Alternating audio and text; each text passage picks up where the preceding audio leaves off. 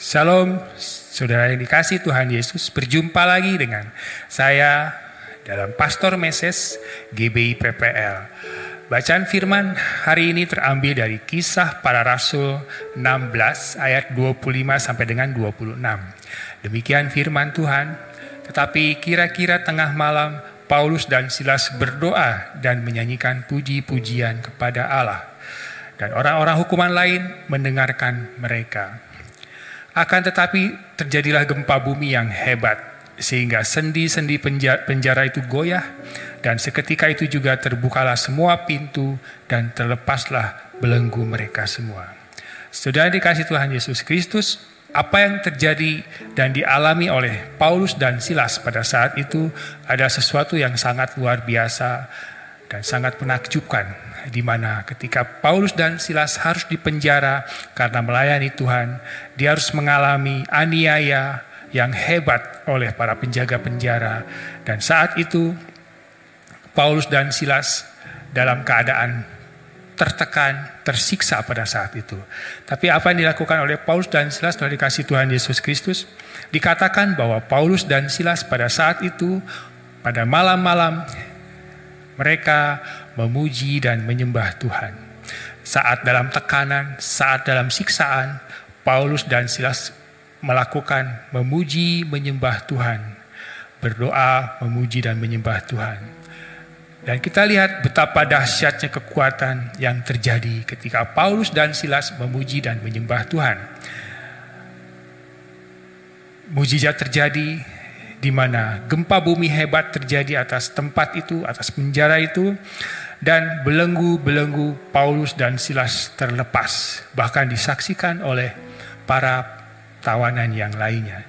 Saudara dikasih Tuhan Yesus Kristus, kita akan belajar pada hari ini bagaimana kuasa pujian penyembahan terjadi atas Paulus dan Silas sehingga dia dibebaskan dari belenggu-belenggu yang mengikat dia pada hari itu di, penja di dalam penjara. Sudah dikasih Tuhan Yesus Kristus, Paulus dan Silas dipenjara karena melayani Tuhan Yesus pada saat itu. Karena menjadi saksi dalam kehidupannya, menyaksikan kebaikan kemurahan Tuhan, melayani orang-orang yang terbeban, orang yang terhilang. Tapi dia mengalami aniaya dan harus masuk dalam penjara. Hal yang menarik dari dikasih Tuhan Yesus Kristus, ada kuasa yang luar biasa dalam pujian penyembahan yang dilakukan oleh Paulus dan Silas dengan di tengah-tengah masalah, di tengah-tengah beban kehidupan Paulus dan Silas, bahkan dalam tekanan yang sangat luar biasa. Pada saat Paulus dan Silas ada dalam penjara, mereka tidak fokus dengan apa dalam keadaan apa dia saat itu. Dia tidak fokus dengan siksaan yang dia terima. Dia tidak fokus dengan uh, belenggu yang ia hadapi pada saat itu, tetapi dia fokus terhadap Tuhan. Dia fokus terhadap uh, Yesus sebagai Allah bahwa ia percaya, mereka percaya bahwa Tuhan akan menyertai dalam segala hal apa pun yang mereka alami. Sudah dikasih Tuhan Yesus Kristus.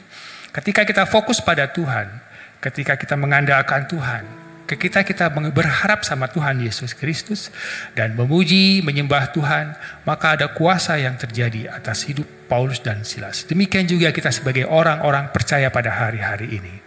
Kita tidak begitu mudah untuk menghadapi dunia pada hari-hari ini.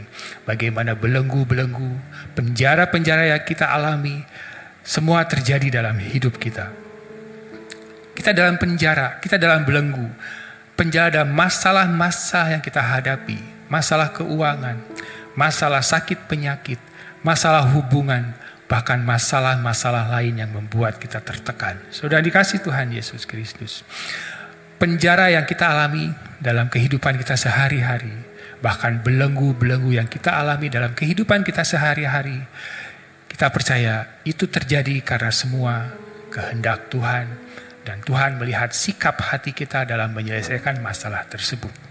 Apa yang kita pelajari dari Paulus dan Silas? Ketika Paulus dan Silas dalam penjara dalam tekanan, dia fokus kepada Tuhan Yesus dia memuji menyembah Tuhan Yesus Kristus. Sehingga mujizat terjadi atas Paulus dan Silas.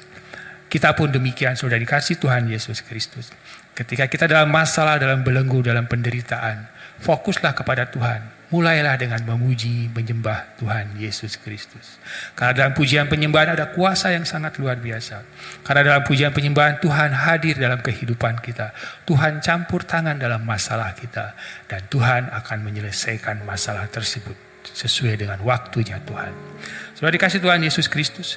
Dalam 1 Tesalonika 5 18 dikatakan firman Tuhan demikian.